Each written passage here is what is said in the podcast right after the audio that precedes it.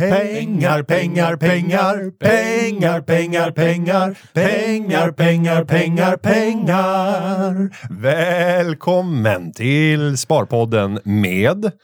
Günther Mårder! Ja, Och Jocke och, och Alex som vanligt. Men sjukt kul att ha dig tillbaka Günther. vad roligt att vara här och det går bra nu när man kommer in i studion. Faktiskt. Vårt gamla skyffe har förvandlats till närmast palatsliknande karaktär. Ja, Så är det. Ja, det är När man är årets bank, då, dubbelt så stort. då Minst. måste man leva upp till det. Nej, vi har, det har hänt lite grejer. Du pratade om studion. Den var ett litet, litet uh, ofönstrat rum. Nu är i och för sig ofönstrat fortfarande. Men betydligt mycket större. Eh, det är här vi gör alla våra digitala inspelningar. det är majestätiskt ska jag ta och berätta för alla. Du är imponerad. Ja, det är jag. Ja. Eh, nå- något värre har jag inte sett.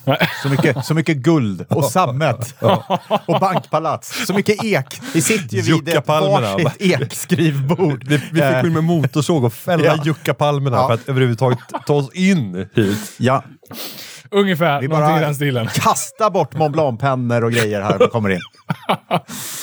Ja. Så är det. Men eh, det här kommer ju bli ett litet eh, Return of Günther Mårder-avsnitt. Günther, eh, du är ju en välbekant röst i, för Sparpodden-lyssnarna. Du var ju med och startade Sparpodden back in the days. Eh, bra för då er nya lyssnare att känna till.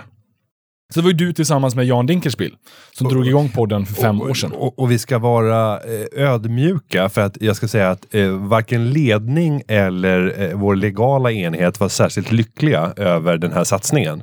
Utan det var jag, Jan och PR-chefen Johanna Snickar som tyckte att det här var en lysande idé. Eh, och vi gjorde någon liten pilot där Jan satt och slafsade banan under hela pilotavsnittet. och så spelade han upp det för lite kompisar och sa att det här är bra, det här kan bli något. Och så körde vi tio avsnitt och så sa vi att om vi inte får 10 000 lyssnare då lägger vi ner. Och det blev ett succéskott. För det var ju ingen som lyssnade på poddar då. Vi var ju första finanspodden som kom ut. Eh, och det gjorde att alla som ville lyssna på någonting som inte hade med daytrading, för där fanns det ju ytterligare en podd som startade samtidigt. Men alla som ville lyssna på liksom, sparande, investeringar, fundamental analys, ja de var ju tvungna. Det var lite som på gamla goda SVT-tiden, liksom, när, när det fanns en kanal. De var tvungna att lyssna på det. Och sjukt kul att vi kan eh, köra vidare det här racet. Fem år har det gått nu. Mm. Det är Och galet. vi har faktiskt uppnått över fem miljoner lyssnare. Sen det startades. Där kan man göra lite Det är helt kalkyl. galet. Fantastiskt. Ha, halva Sverige lyssnar på Sparpodden, skulle man kunna säga då. Ja. Det kan man göra, utan att blinka. Ja. Så är det. I denna poddstatistikens värld. För den är Ja. liksom inte känd av att kantas av statistisk noggrannhet. Nej. Och, och sen gjorde vi ytterligare en analys här innan sändning och det är att det är ju nästan bara män tyvärr. Ja, det är en 80 procent I, ja, i hög Ja, utsträckning. som röstar där ute. Det, det är tråkigt. Så då kan man nästan säga att det är alla. men, men, i Sverige som har lyssnat på podden. Ja, i princip.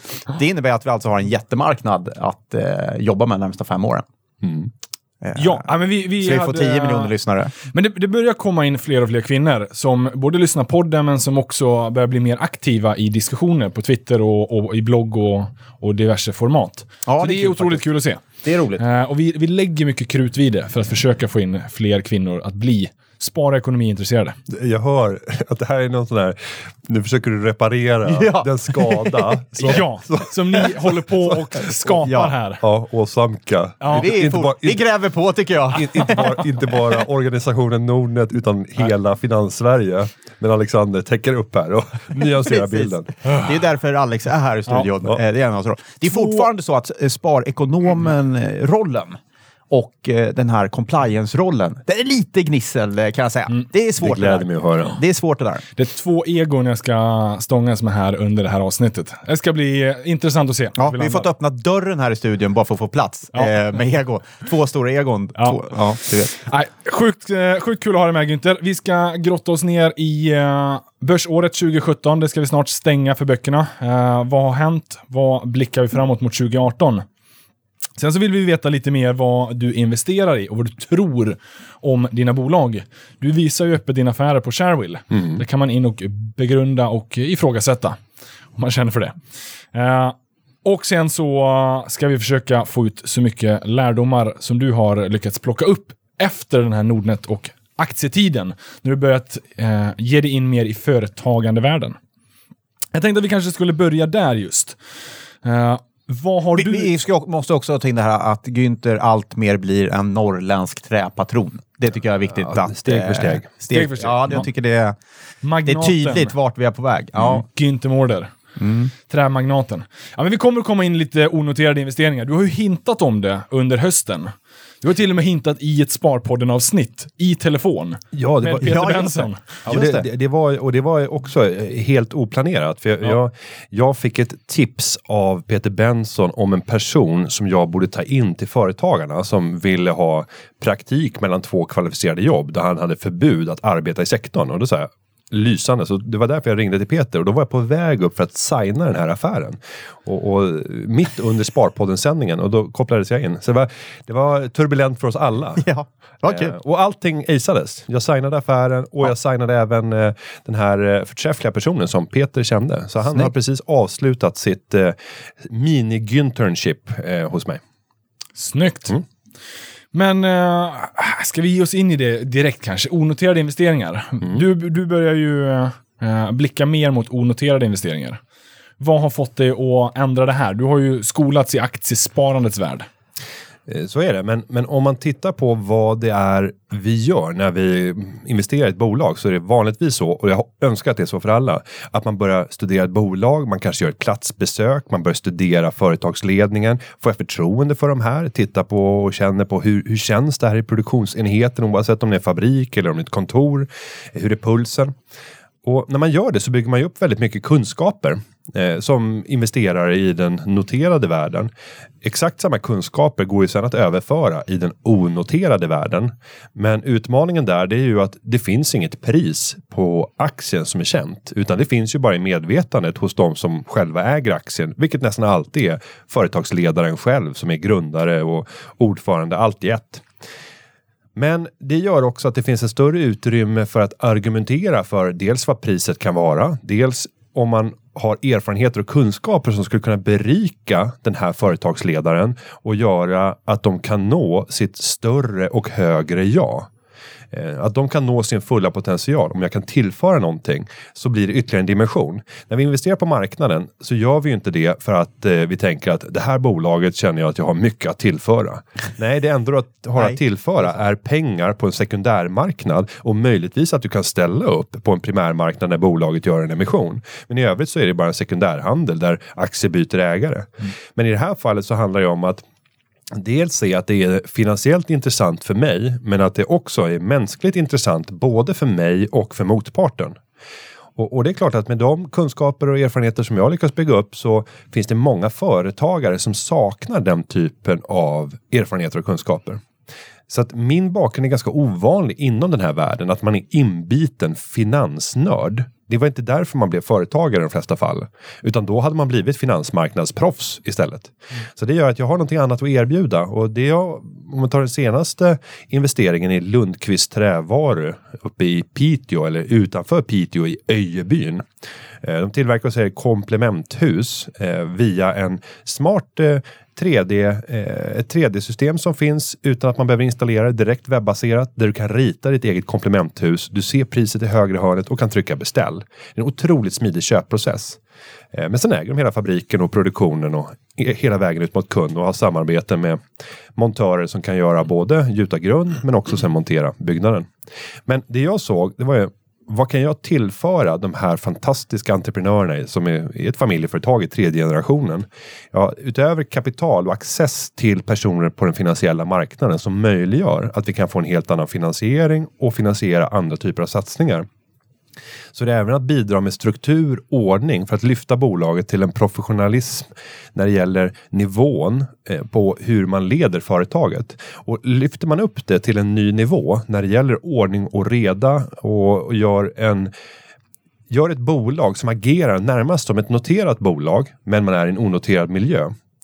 Då föds plötsligt möjligheten att dels kunna ta in helt andra typer av investerare. Dörren att notera bolaget börjar ju öppnas, även om det tar tre till fem år från det att vi bestämmer oss till det att vi är fähiga för att gå till börsen. Men vad pratar du om? I, är det liksom regelmässigt vad ni publicerar för redovisning? Eller hur menar du att ni agerar som ett noterat bolag? Eh, vi kommer att börja släppa kvartalsrapporter, Ah, okej. vad det, Det lider. det. Eh, sen så bara tänka att vi vill komma ut med vårt budskap mot potentiella investerare. Tidigare har ju de inte tänkt på det sättet utan bara tänkt vad är det som driver affären? Mm. Och då kanske det inte är nödvändigt att ha en pressflik för att berätta om utmärkelser och liknande som de har fått som företagare, för det driver inte affären. Men att göra det är väldigt viktigt för att visa att det här är personer som är mm. framgångsrika för kollektivet investerare. Ehm, så att det, det är många dimensioner men, i men det. Många av, min känsla är att många av den här typen av investeringar är någonting man snubblar på. Det, det, är liksom inte sådär, eh, hur, hur, vad hände? Åkte du förbi Öjebyn och bara, här var en schysst fabrik. Mm. Jag menar, hur hittar de här? För det är väl det som är svårt också i en onoterad miljö. Hur hittar man bolag?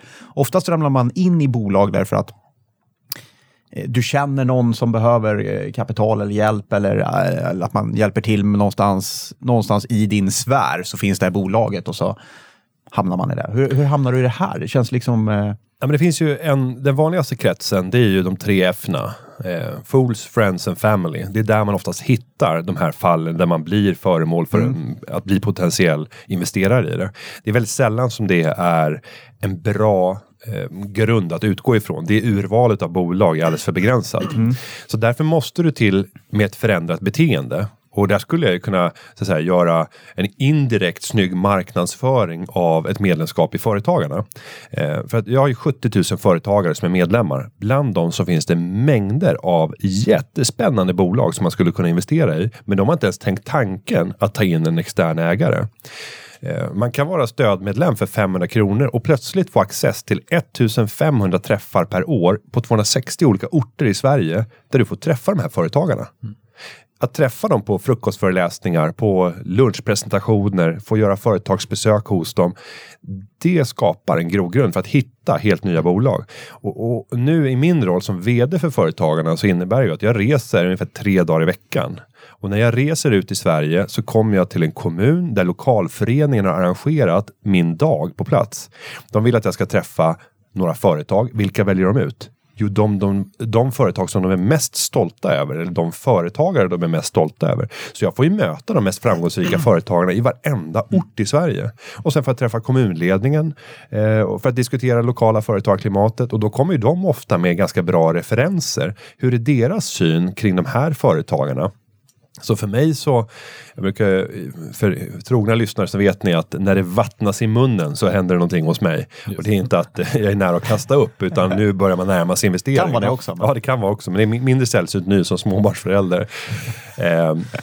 men, men, därför så vattnas det i munnen för mig ganska ofta. Och i det här fallet så ja, var det just i sådana sammanhang. Eh, jag stötte på dem i ett jurysammanhang där jag satt i juryn och, och sen kom jag att göra ett platsbesök hos dem och blev, blev förälskad. Och, och sen började diskussionen och det tog sju månader av, av diskussioner från det att vi gjorde första viljeyttringen från bådas håll. Att vi skulle vilja hitta någonting till dess att vi signade och överföringen var gjord.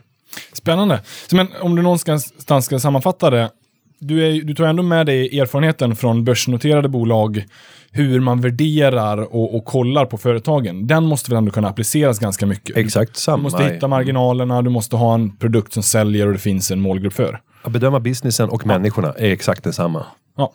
Snyggt! Ja, men det är lite kul för de som är nyfikna på onoterade investeringar. Absolut. Men man behöver som sagt vara villig att bidra med också kunskap och kompetens för att det ska få ut maximal synergieffekt. Ja, och det som händer när du gör det, det är ju att det blir ett annat läge i prisdiskussionen. Ja.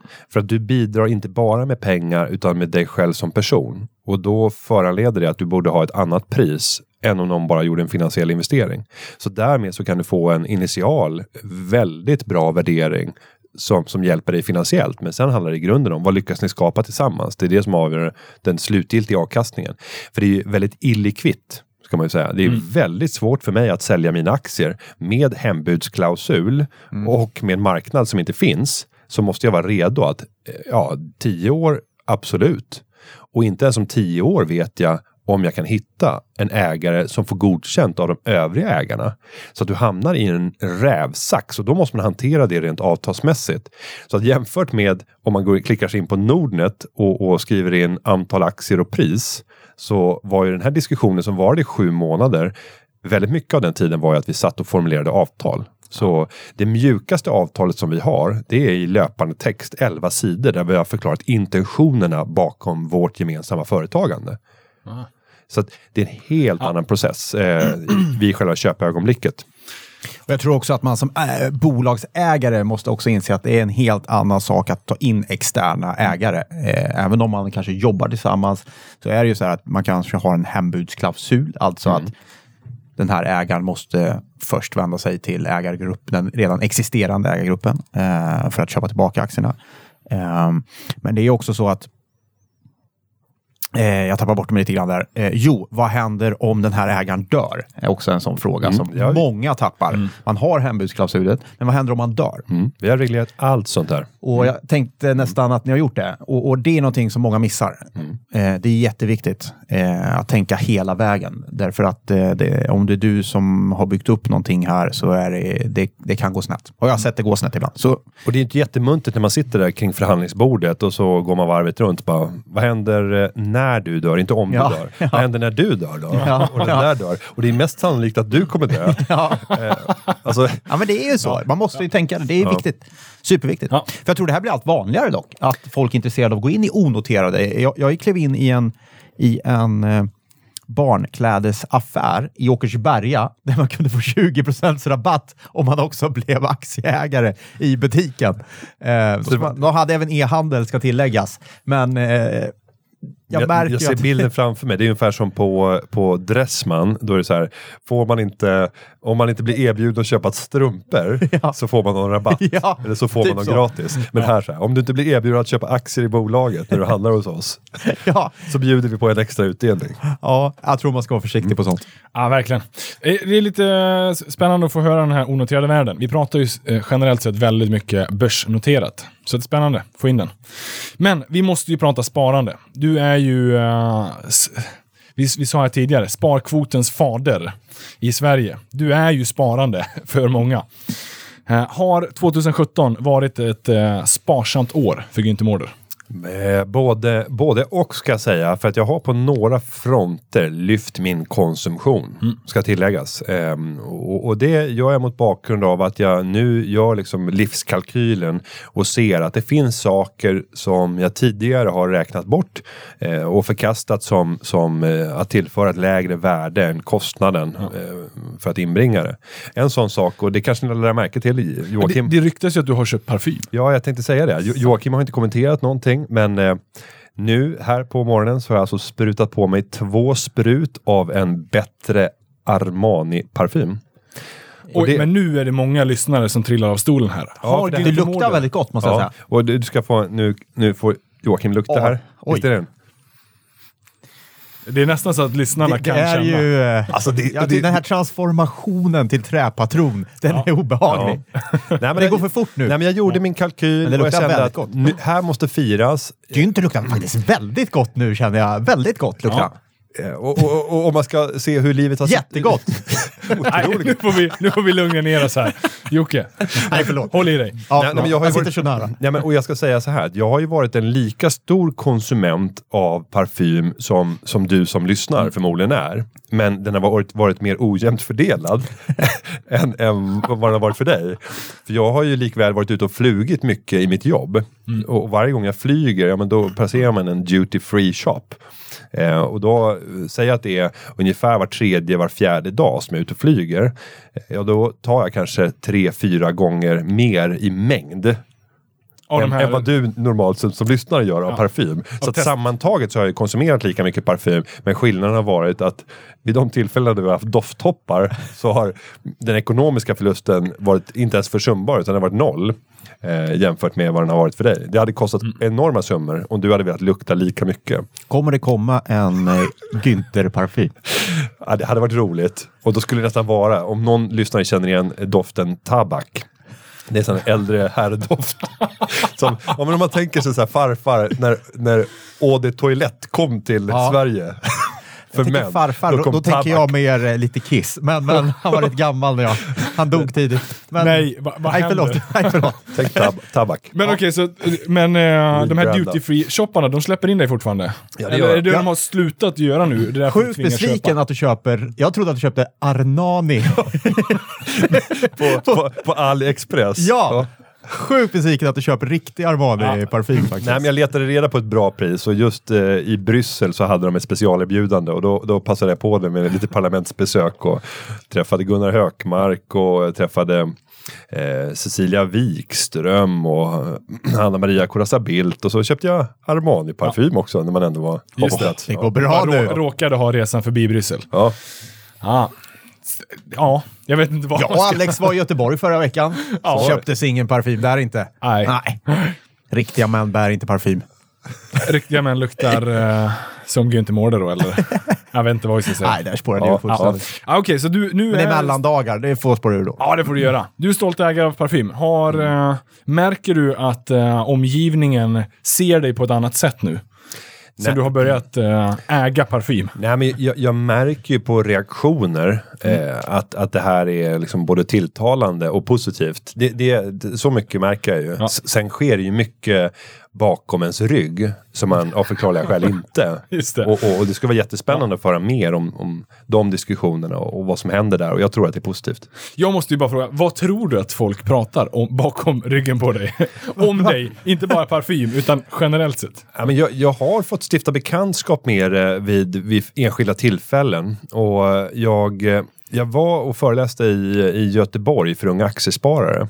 Och då var det en person som kom fram efteråt och kom fram till mig med ett stort leende och så sa han Efter den här föreläsningen så har min bild av dig fullständigt förändrats.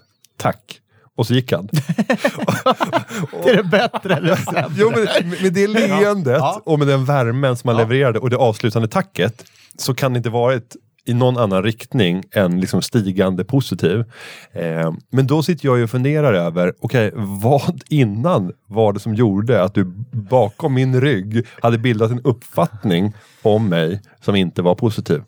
Och det, sånt är ju tråkigt. Jag, Eh, jag har varit med om eh, någonting, mm, kanske inte fint, men, men att man hör vad folk pratar om en bakom ryggen. Faktiskt på en restaurang i ganska nära Stureplan med två finanssnubbar som satt och sa Jocke Bornold är ju helt jävla dum i huvudet.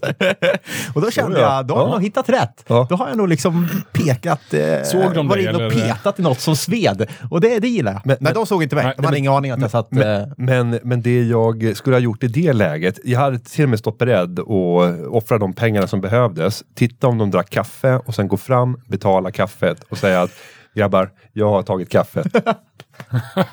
göra Trevlig eftermiddag. Ja. Nej, men det är kul. Men någonstans så är ju ni, ni är ju lite varandras motpoler. Günther, du lever ju för att spara. Medan Jocke, du sparar ju för att leva i princip. Absolut. Är det, är det en korrekt beskrivning av er? Nej, det där, det där är någonting som Jocke har hittat på. Men det är bra, eller hur? Ja, det, det är ju humoristiskt, men, men för mig så handlar det om att jag sparar för att se lusten som föds i människors öga, där de plötsligt får förutsättningar som de inte trodde fanns. Det är det jag gör via mina investeringar. Ja. När jag får se företagare öppna liksom dörren till o, alltså obrukad och otrampad mark till följd av att jag har kunnat tillföra kapital, kontaktnät och andra typer av kunskaper. Då kommer en inre tillfredsställelse som är svår att beskriva. Ni, ni ser hur jag... Ni skulle, vi skulle inte behöva gjort en sändning här, men Ja. ja. Men okej då, Vackert. ett brandtal för sparande. Eh. Jocke, ditt brandtal för s- spenderande. Fick en skit i ögat bara. Varsågod. Eh, nej, vi, vi, egentligen är det ju så här att jag och Günther, vi tycker nog exakt lika också kring själva sparandet. Jag tror vi tycker lika så att, att sparandet, du är en lyckligare människa om du sparar. Det är så. Om du har en kontroll på din ekonomi, då är du en lyckligare människa. Det är jag helt övertygad om. Och, och det hoppas jag också att att eh, när man är ute och missionerar det så, så tror jag någonstans att man gör folk lyckligare. Och lite rikare. Det är ju härligt också. Men jag tror på det. Jag Men tror att... Günther, du är ju nästan inne på att man till och med är en bättre människa. Du vill ju bidra med det här sparandet. Ja, Blir man en bättre människa Jag, jag vågar gå så långt, och i alla fall inför den här målgruppen. Nu är det inte Ung Vänsters podd vi spelar in. Men för då hade, då hade jag kanske varit försiktiga i mina uttalanden. Men alla som har ett jobb eh, har möjligheten att spara. Punkt. Eh, och där blir jag rätt provocerad över när man diskuterar vad går det att leva på. Eh, och, och jag vill hävda, jag menar, jag levde för ungefär 8500 kronor under två års tid när jag var vd för Aktiespararna inledningsvis. Och jag hade till och med familj i inledningen, eller i ett av de åren, år två. Eh, sen har det successivt ökat och nu ligger jag på, jag tror att jag gått upp till 23-24 000 i spending. För då, då pratar vi hela familjeenheten och vi är fem personer. Vi bor i en bättre villa utanför stan. Vi har eh, pool, vi har två bilar. Vi reser utomlands tre gånger om året. Eh, vi har liksom obegränsat med sylt på gröten, på havregrynsgröten på morgonen. Så det är liksom inget... Nej, obegränsat har ni inte. Nej, inte, nej, det har vi inte. Får du Nej. via dig. Nej, men vi, det, jag brukar skriva namnet. Ja, vi kör sån här squeeze. Sen är det så här att om man åker över gränsen till, till Norge, åker tillbaks, åker över en gång till. De har ju inte varit där två gånger.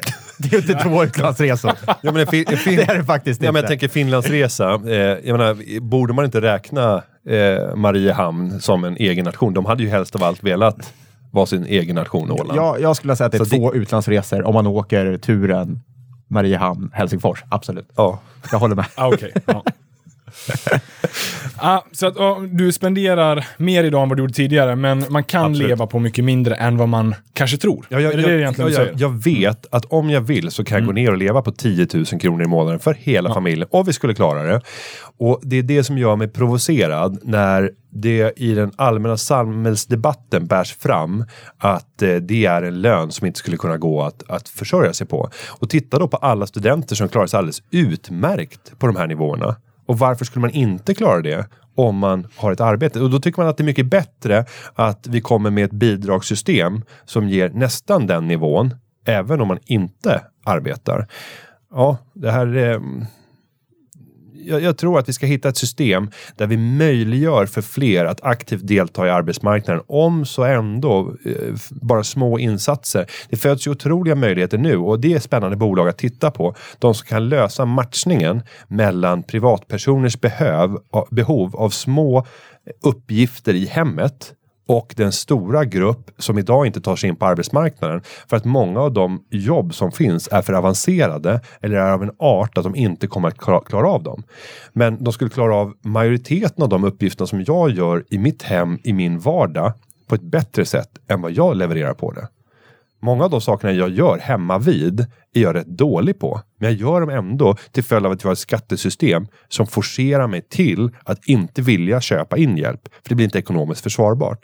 Och vi, det skulle vara ett bättre samhälle om alla fokuserade på det man gjorde bäst. Så att man kunde frigöra fler av, av timmar för de som har en hög grad av specialisering. Så att de inte sitter och gör sånt som andra kan göra bättre. Ja, men det är bra. Det där tror jag är en... Eh, jag håller med om det där fullt ut. Jag tror det är en spaning också att, att man går... Om, om man funderar på så här, äh, men om man skulle få så här 100 miljoner idag, vad skulle man göra då? Ah, jag vet inte, kanske ett tecken på att jag börjar bli gammal, men jag tror inte jag skulle köpa en Ferrari. Jag tror inte jag skulle, jag skulle inte byta hus. Jag, jag trivs jättebra där i Åkersberga. Men jag skulle ju göra, köpa saker och tjänster som gör mitt liv enklare. Frio, frigöra tid. Frigöra tid. Det är det som är Friheten. lyxen. Så, så där, absolut. Och jag tror att det kommer ju växa. Jag, jag tror det. Jag tror att man allt mer kommer eh, acceptera det och känna att det är okej. liksom. Jag tror på det. Jag tror det kommer vara en superstark trend. Men det du... Nu, nu pratar vi om de då som så här, säger att jag inte har tillräckligt för att spara. Eller det är de vi någonstans adresserar här. Men för alla de som har egentligen tillräckligt men de ändå inte sparar. Hur, hur pratar du med dem? Hur får du dem att inse den här sparglädjen som vi någonstans brinner för? Det första, det brukar vara att gruppen ehm, som finns där är rätt omedveten om vad de lägger pengarna på. De konstaterar bara att pengarna är borta eh, i, i slutet av månaden. Och det man kan göra först, det är att tvinga sig till att göra en redovisning av en enskild månad. De flesta gör ju sina köp medelst ett kort idag, vilket gör att du får en elektronisk eh, registrering av det. Att då bara sitta med den här sammanställningen över månaden och skriva vad är det jag har köpt? och göra analysen sen i efterhand. Vilka av de här sakerna var absolut nödvändiga? Vilka var bra? Eh, Och vilka var nice men inte nödvändiga överhuvudtaget? Och sen försöka hitta någon typ av, av kvalificering av bidrag till eh, upplevd lycka eller tillfredsställelse och sätta in lite poäng. Göra ett poängsystem från 1 till 10 på varje kostnad och säga att men det här, visst den tillför inte speciellt mycket eh, glädje, det var telefonräkningen, men den var nödvändig. Så okej, då så fort det är nödvändigt, då kan du bara stryka dem. Det där måste, eller inte stryka, det, du behåller dem, men du behöver inte hantera dem. Men när du kommer till majoriteten av utgifterna, vilket brukar vara av, av mer frivillig och mer extra karaktär, så ska du välja ut de som ger den högsta graden av tillfredsställelse. Och sen så är min uppfattning att det är bra att variera, för att annars så tenderar vi att bli, falla in i en vana och vänja oss vid det vi har lagt oss an.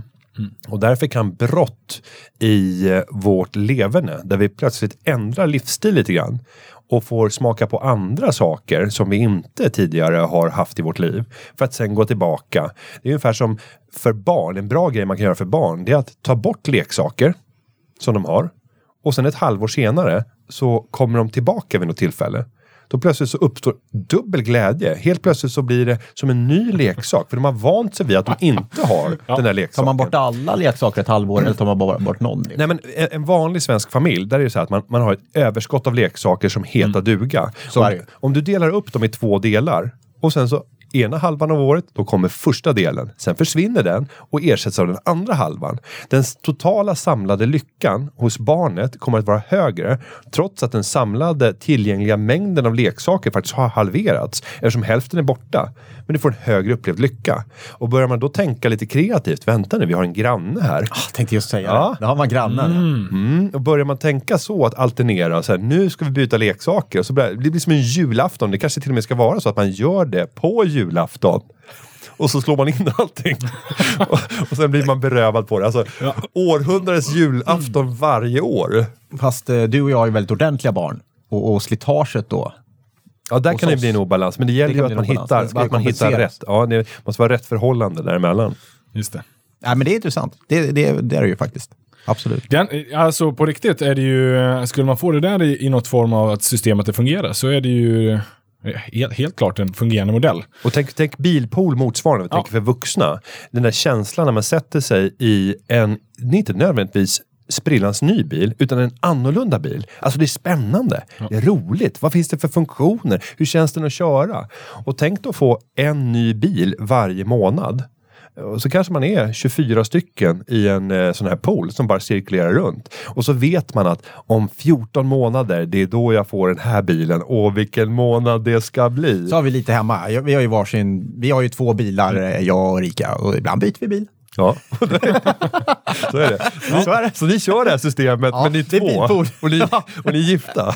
Exakt. Ah, ja. Ja. Vad, har, har, vad är det bästa sparad krona du har gjort under 2017?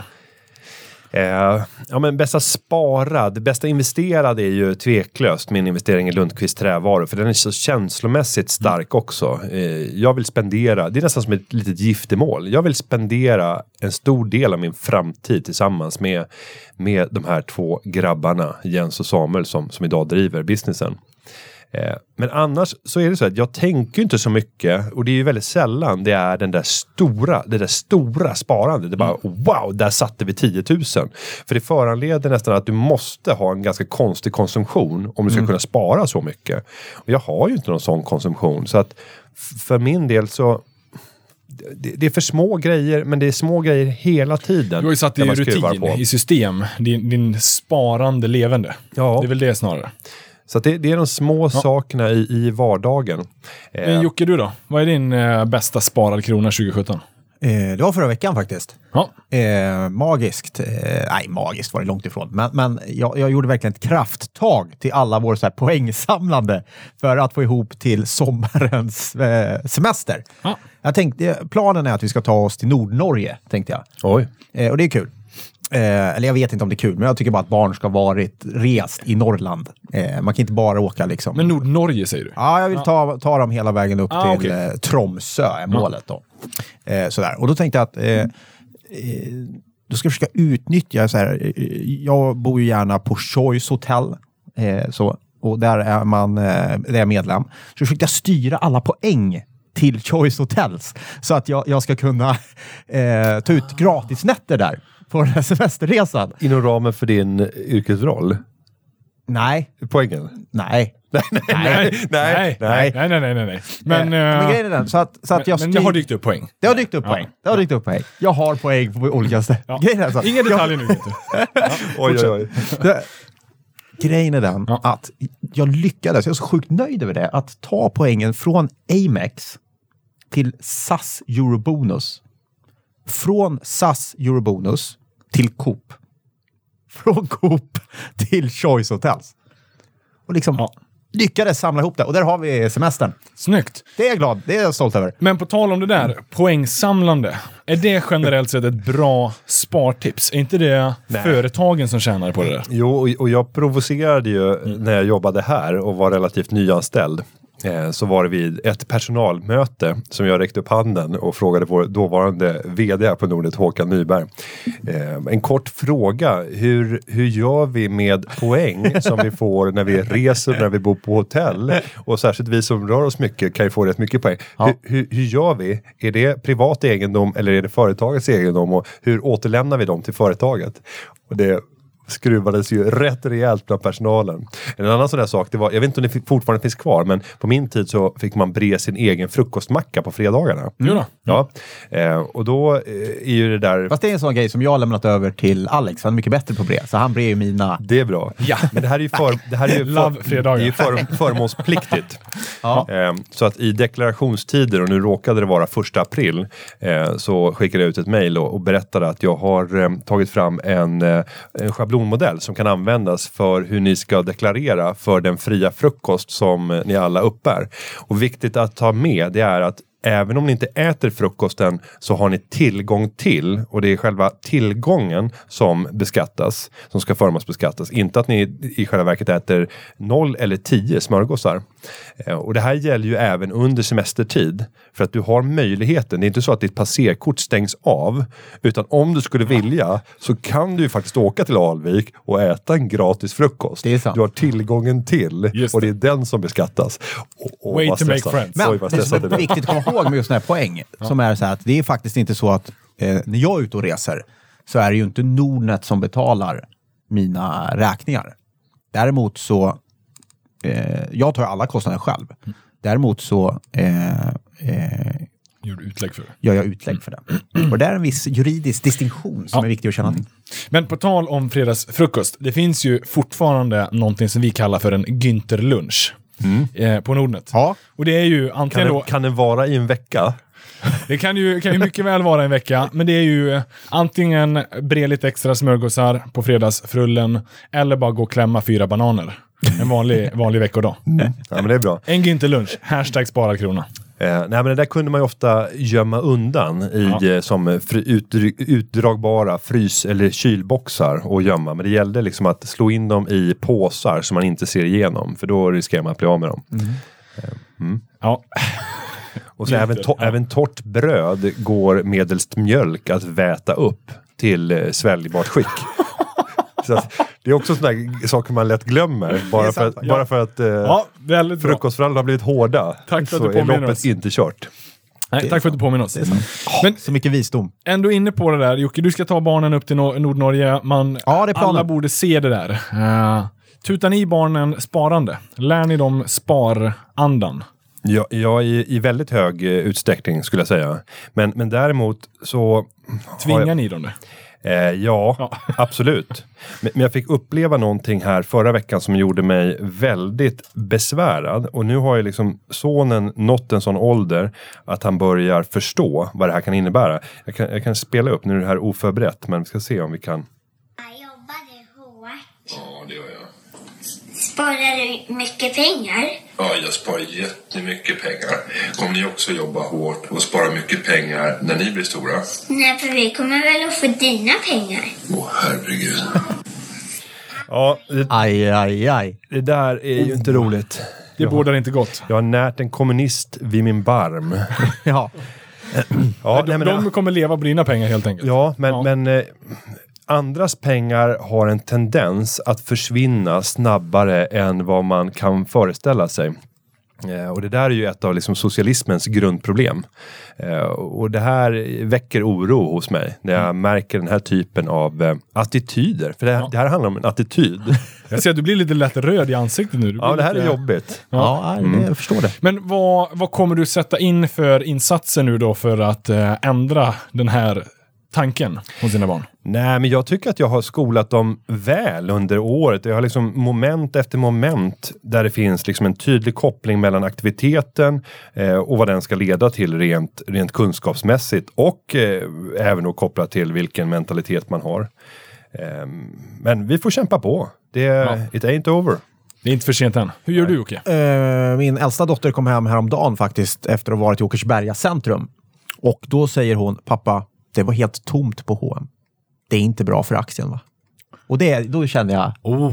ja, bra! Där satt den. Men, men, men eh, tomt, var det slutsålt? Nej, det var Nej, var- inga jaha, människor. jaha, för jag gjorde en annan analys. Ja, Jag ja. bara såg tomma hyllor. Så bara, "Äh, det är rensat! Ja, det är bra för aktien. Nej, det var inga Eh, människor. Nej, men det är kul. Nej, Men jag försöker prata... Eh, och det, det där är svårt med pengars värde, till exempel kring saker, därför att saker kostar ingenting idag. Egentligen. Det, det är liksom så... Det är ingen, det- man får, barn har ju så mycket leksaker, leksaker överallt. Du kan inte ens gå in... Du får leksaker på McDonalds. Överallt finns det saker, hela tiden. Så det är... Det förstår, värdet i saker finns inte där. Ja, Liksom. men då- det är då du ska göra upplevelser. Om, om jag ska köra en till sån här eh, fostran så, så kommer mina barn här igen, ska vi se. Ja, nu, nu, nu ska vi göra så här också. Det är gratis! Nu kommer den. Att tro pappa, det är det bästa. För det är gratis! Och det är så sant. Att ro pappa, det är det bästa, för det är gratis. Ja. Och det är ju oftast de här små upplevelserna som vi finner den största njutningen. Ja. Så är det. Finns det något sätt att man skulle kunna ställa lite så här, trampcyklar ner i källaren? Få dem gå ner och trampa lite och sen koppla det till eluttagen. Skulle, skulle kunna Har vara. du, sett på någon, har du börjat snickra på någon sån modell? Eh, nej, men det, det, det viktigaste... Ett ekorrhjul. Ja, men det, och det blir för låg. Även om det skulle kunna vara spännande så det, det blir för lite effekt för att kunna utvinna. Men däremot vad du kan göra det är ju att lära barn eh, att hemma är det väsentligt kallare än vad det är hos andra. Eh, för att just de där sista graderna när man ska upp över 20 grader och, och vissa har ju liksom 24 grader hemma. Men om du går ner till 17 grader, det är faktiskt så att rent kroppsligt så mår du bättre vid 17 grader om du bara är rätt klädd. Och du framförallt sover bättre. Du bränner fler kalorier och man också tittar på att du sover djupare när det är lite svalare än när det är varmare. Så att det har bara positiva effekter. Man har minusgrader sover ekonomisk- man riktigt djupt. Jukkasjärvis hotell. Ja. Men då, det är inte spara krona kanske, men, men det är en upplevelse. Nej, men så, så det får bli det Har magiska hemma? spartipset. Ja, men vi har, vi har svalare än de flesta. Vi har en luft, luftvärmepump som flera har fått stifta bekantskap med, som är långa, eh, långa och trogna lyssnare av, av podden. Eh, för jag beskrev själva inköpet av den här eh, i tidigare avsnitt. Men den är inställd på 17 grader. Så Mm. det är där, det är då vi får hjälp av luft, luftvärmepumpen. När vi sjunker under 17 grader, då börjar den jobba. Ah. Ja, det är ju ett sätt också. Hur, hur extremt har du tagit Jocke? Jag har det varmt hemma. Ja, 27 jag grader. slösar lätt. Ja. Nej, jag har ingen aning faktiskt. Eh, däremot är det väldigt... Eh, huset är ju väldigt... Eh, eh, nej, men det, vad heter det? Det är så här... Välisolerat. Ja, och det är bergvärme och det är liksom dubbla så här, berghål och- Energieffektivt. Ja, det är väldigt energi, Energiklass A. energieffektivt. Typ. Eh, så det drar ett lite ström faktiskt. Men eh, sen har vi ju så här att man måste ju inte ha lika varmt överallt. Det är kanske är mysigt att ha lite varmare där man kollar på tv, men i sovrummen är det skönare att ha... Så att, Det där kan man jobba lite på. Ja. Det gör vi faktiskt. Och det finns det ju sparade kronor att hämta genom Ja. att sänka temperaturen. Men, men det är sparsidan. Jag vet inte om vi har kunnat bringa lite mer eh, spartips här, men vi, vi gav lite tankar. Vi måste diskutera lite aktier också. Det är bra. Eh, du, Jag är för aktier. du är för aktier. Bra. Är du för Günther? Inte i lika hög utsträckning. Just nu. Vad fan, vad säger du? Nej men, nej men så är det. Man, man kan ju ha olika perioder i livet då man är mer för eller emot. Ja. och, och just nu så är jag lite emot aktier som generellt fenomen eh, om man ska äga dem på generell basis och det vill säga i en ren indexprodukt. Om jag skulle tänka så här, en indexprodukt tre år. Jag är inte helt övertygad om att det kommer vara en förträfflig investering. Om vi ska köpa en svensk indexfond. Nej. Även om jag älskar Nordnet Superfonden Sverige så är det inte den jag kastar mig i för tillfället. Men däremot enskilda aktier. Jajamensan. Ja. Det finns alltid undantag. Ja, så att, uh, okej, då- då kan vi ändå enas i att vi gillar aktiesparande. aktier är bra, aktier är bra. Ja. Härligt. Jag, jag trodde vi hade tappat det där. Ja, det hade varit så skönt om det kom så här, by the way, vi har ju det här lilla trävarubolaget uppe i... Nej, men vi, vi, nej, men vi har tänkt att att, eh, liksom, sluta med aktier. Ja. Så Ja. Vi ska inte äga Aktier genom aktier. Aktier är dumt. Utan vi ska bara äga företaget. Ja. Inga, inga himla aktier emellan. Nej, Nej. Eh, vi, vi vet inte riktigt vart det här landar. kapitalistiskt. Ja. Det ska bort. Det är satans påfund. Så är det. Det är julavsnitt, vi får spåra lite. Det är skönt. Men, eh, Planekonomi, det är, är det fullt utprövat? är det där verkligen? jag tror att eh, aktier, precis som så här chemtrails, det är liksom eh, bilder, bild, Bilderberggruppen, eller vad heter de? Ja, De här- Bilderberggruppen. Ja, det är säkert något som, som de har hittat på för att de bara ska kunna spåra vilka som äger alla bolag. Har du fått någon inbjudan till Bilderberggruppen än? Jag tror att den är på väg. Jag tror men, det. men med tanke på Postnords eh, liksom problem så har den liksom år efter annat bara kommit bort. Vilket öde det hade varit. Ja. Vad om du sitter där, Bilderberggruppen. Varför hör han inte av sig? Kissinger sitter där och bara... bara Günther, ah, han är så fräck. Nej, han svarar inte ens. men och för den oinsatte, det här är ju Illuminati, eller vad, vad är skillnaden där? Jag har ingen aning själv. Nej, eh, Bilderberggruppen finns ju. Det är en, Okej, en, den en, är på riktigt. Det är en grupp som är på Ja. riktigt, som är helt... Eh, eh, där världens ledare träffas. Ja. Utan att någon har insyn. Så kan man säga. Så är det. Carl Bildt Och- tror jag brukar och- vara där ibland. Mm, det var jag förstått också.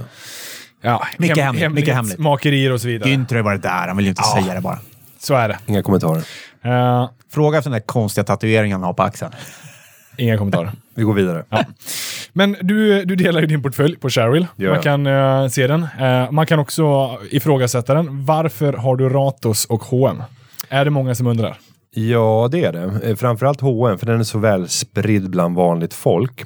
Och eh, för den som lyssnade på ett av mina eh, sista avsnitt i, i Sparpodden så gjorde vi ett fundamentalt frosseri i H&M där vi egentligen konstaterade att ja, men det är ett bra bolag men aktien är för dyr och då låg aktien i 300 spänn tror jag. Eh, så vi sa, nej men jag avvaktar på den här. Och eh, jag följde min egen intuition och övertygelse och avvaktade tills den hade kommit ner sig. Eh, och även om det låg en bra bit över 200 så började det se allt mer attraktivt ut. Nu har jag svårt att göra den fullständiga analysen av vad är det som just nu går så snett. Mm. Eh, och, och jag tycker inte att Carl Johan Persson har varit tillräckligt tydlig med det heller. Med att rycka på axlarna och säga att eh, vi har fattat en rad beslut som kanske inte har varit de bästa, men vi har fått ordning på det. Eh, jag känner ingen osäkerhet inför framtiden. Är det en Bagdad Bob? Eller är det en företagsledare som har koll här? Jag har svårt. Just nu är jag lite kluven. Eh, och, och jag längtar efter eh, februaris kapitalmarknadsdag då vi kommer få mer inblick i hur det står till i balansen mellan online och eh, de fysiska butikerna. Men på de här nivåerna, om vi pratar då 165-167 kronor där de har varit de senaste dagarna när vi spelar in det här så känns det som att eh, värderingen är attraktiv. Jag tror inte att eh, familjen Persson kommer sänka utdelningen i år, vilket skulle innebära att man nettoskuldsätter sig på allvar för första gången i modern tid. Eh, men då innebär det en direktavkastning på över 5% för tillfället. Det där kan bli att man gräver sin egen grav och att det går ännu fortare. Jag, jag tror inte att H&M är att räkna ut från, från dagens nivåer. Eh, utan jag tror att vi kommer att få se en, eh, en transformation där online kommer att ta mark. Det finns goda förutsättningar för H&M som har en närvaro världen över som många av de här e-handlarna inte har. Eh, sen så blev jag lite uppläxad av en person som är väldigt duktig på e-handel.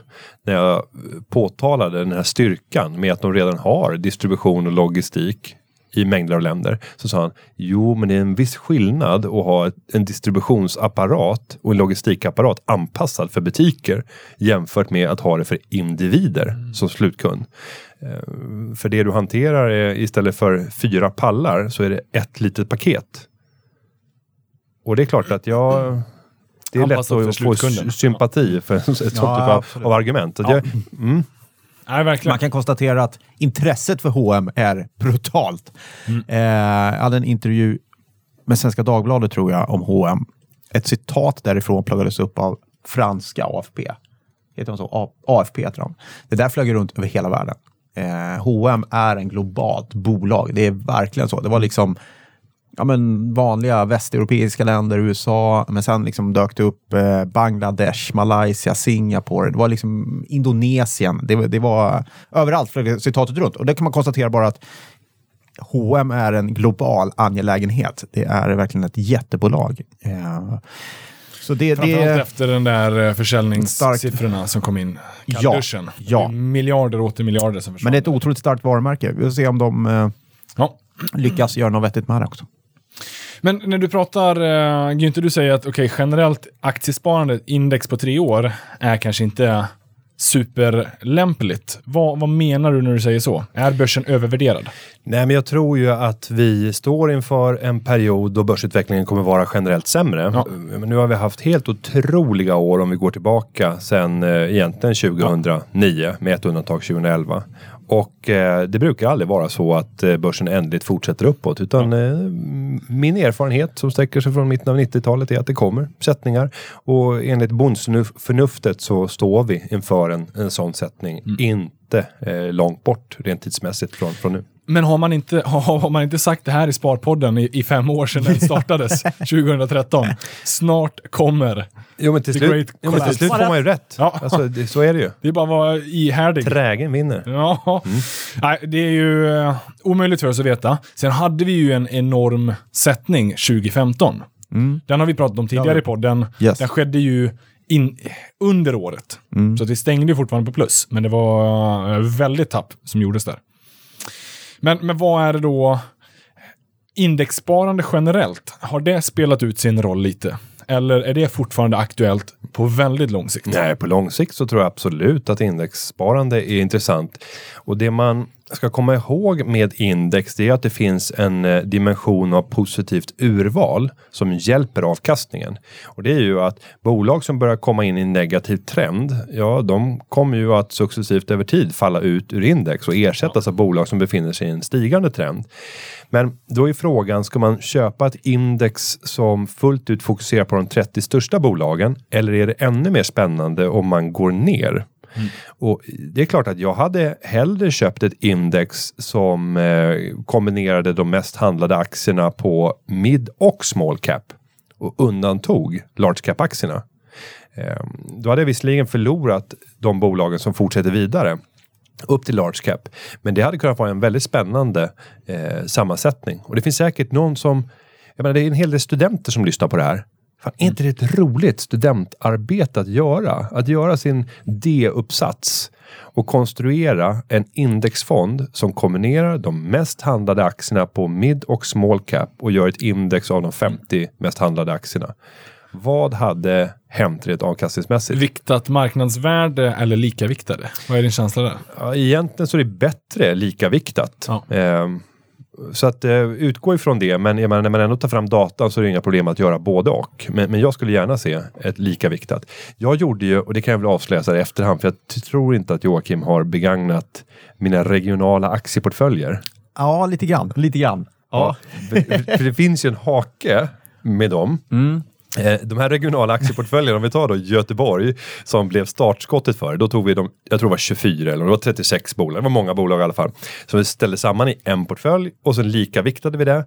Och sen så tittade vi tillbaka tre år, fem år, tror, kanske till och med tio år för att se hur har Göteborgsportföljen utvecklats. Och den hade ju alltid utklassat index. Och det har ju med den enkla logiken att göra att får du med ett antal småbolag vars aktiekurs kommer att mångdubblas samtidigt som du har ett antal bolag som har konkat men de kan bara bli- bli av med hela sitt värde. Då kommer en likaviktad portfölj alltid att eh, slå eh, det stora indexet. Det finns undantag, men du har en generell dopning i ett sånt fall. Ja. Och sen så blev det eh, Börsen är bäst i väst. var stora rubriken i Göteborgs-Posten. Så var helt uppslag. Sen kunde man åka ner till syd och göra samma, sta, samma sa- sammanställning i Skåne eh, i- för Sydsvenska Dagbladet och babam! Skåne slår allt. Och så kunde man gå vidare till. Norrland. Norrland, norrländska börsen bättre än Stockholm. Men det är ju för att lika viktat. Det fungerar ju. Ja, och det har, funktionen är ju att ett, ett, en, bo- ett aktie, en aktie kan stiga hur mycket som helst, men den kan bara förlora 100% av sitt värde. Just det. Men Jocke, vad är din känsla då? Tror du, håller du med? Eller, index är inte utspelat. Indexfonder fungerar på lång sikt. Nej, men eller? den stora frågan kommer alltid vara hur, det är, hur mycket räntor, hur mycket aktier. Ja. Det är den stora frågan. Och hur man vill nå sin aktieexponering, eh, det är nästa fråga. Och för de allra flesta, ja, pensionssparande och så vidare, då är index bra. Det kommer funka. Det kommer inte...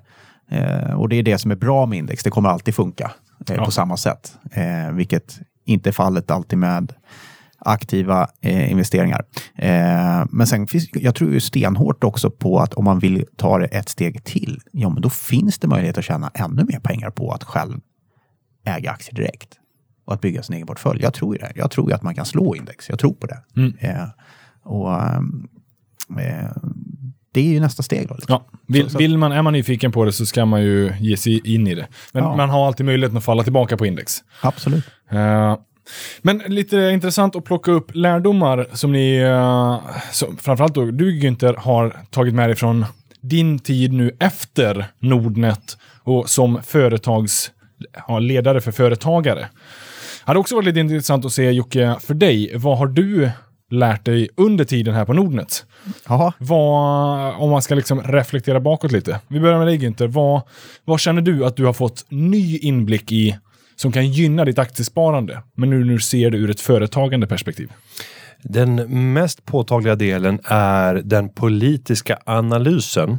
För att eh, vi har ju marknadsrisk och sen har vi bolagsrisk. Men både marknads och bolagsrisk kan påverkas av politisk risk. Där politiker har möjligheter att förändra förutsättningarna för det här bolaget eller för hela marknaden som helhet.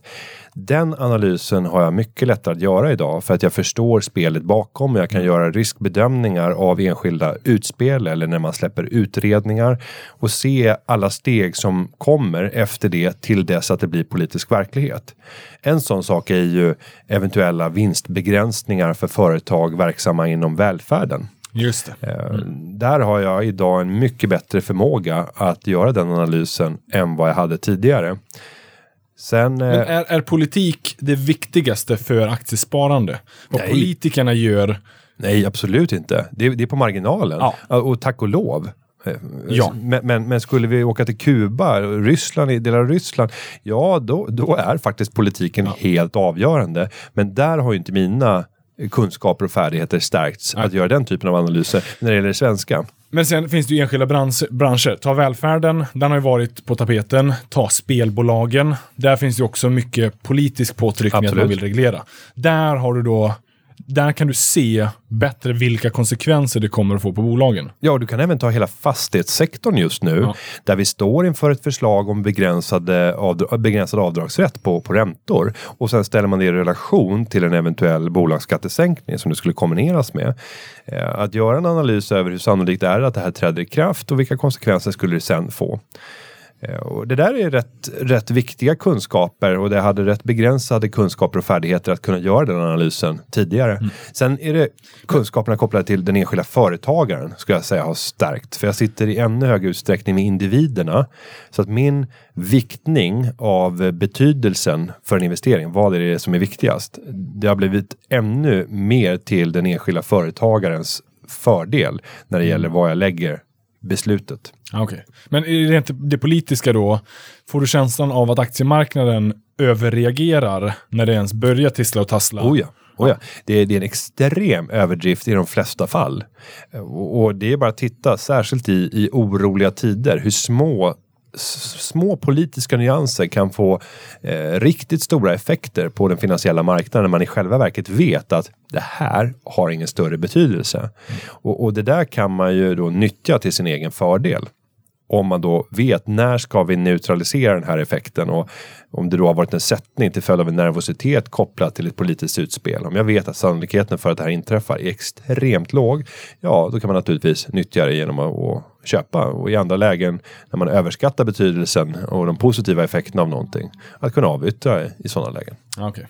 Är det någonting i det enskilda samtalet med företagare som du har... För någonstans alla aktier består ju av individer bakom. Det är, alla bolag har någon som leder bolaget och det ska vara rätt människor på plats. Finns det någonting där du känner att du har eh, stärkt din, eh, din kompetens? Ja, men att kunna analysera den enskilda företagaren och förstå drivkrafterna bakom mm. deras företagande. För att den politiska analysen den är mycket mer komplicerad än den finansiella. Om du och jag ska göra en analys över eh, en marknad och vad som kommer hända så kan vi vara överens om en sak. Alla som verkar på den här marknaden vill tjäna pengar. Mm. Men annars hade du inte varit där. Sen kommer det några bivillkor. Alla har olika tillgång till information. Alla har lite ko olika kostnader för att genomföra sina transaktioner. Det finns eh, de här informationsasymmetrierna eh, och, och, vi har olika tidshorisont och vi har olika inställning till risk. Och de där, sen kan vi rada upp några till, men där har vi egentligen grunden för en marknad. Och det är de delarna du måste analysera för att se rörelser. När man tittar i en politisk analys så är det så många fler dimensioner. Då måste vi gå in i människan och se mm. vad är ditt slutmål med ditt politiska, politiska engagemang. Eh, och, och, vad är, och, och, vad kommer det att leda till när det gäller ditt agerande, dina ställningstagande i politiska frågor just nu? Om du vill bli statsminister, mm hur kommer du att påverka som enskild minister i dagsläget?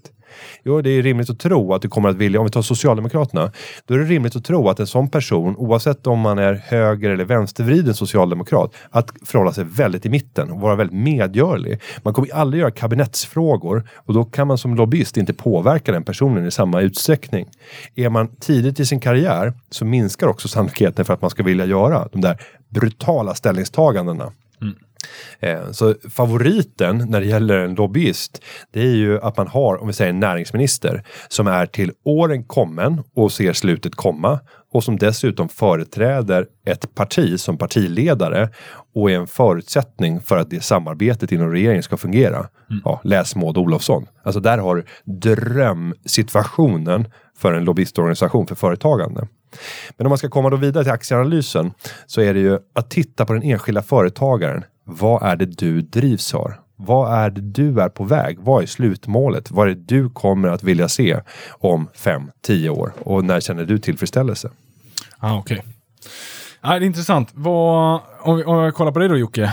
Eh, din tid på Nordnet. Du har ju ändå jobbat på bank tidigare. Du har också jobbat ja. på börsen. Ja. Så du har ju sett aktiesparande ur många vinklar. Ja. Men vad känner du att du har nu om något så har du tagit med spararnas sida i hur mm. man ska se på sparandet.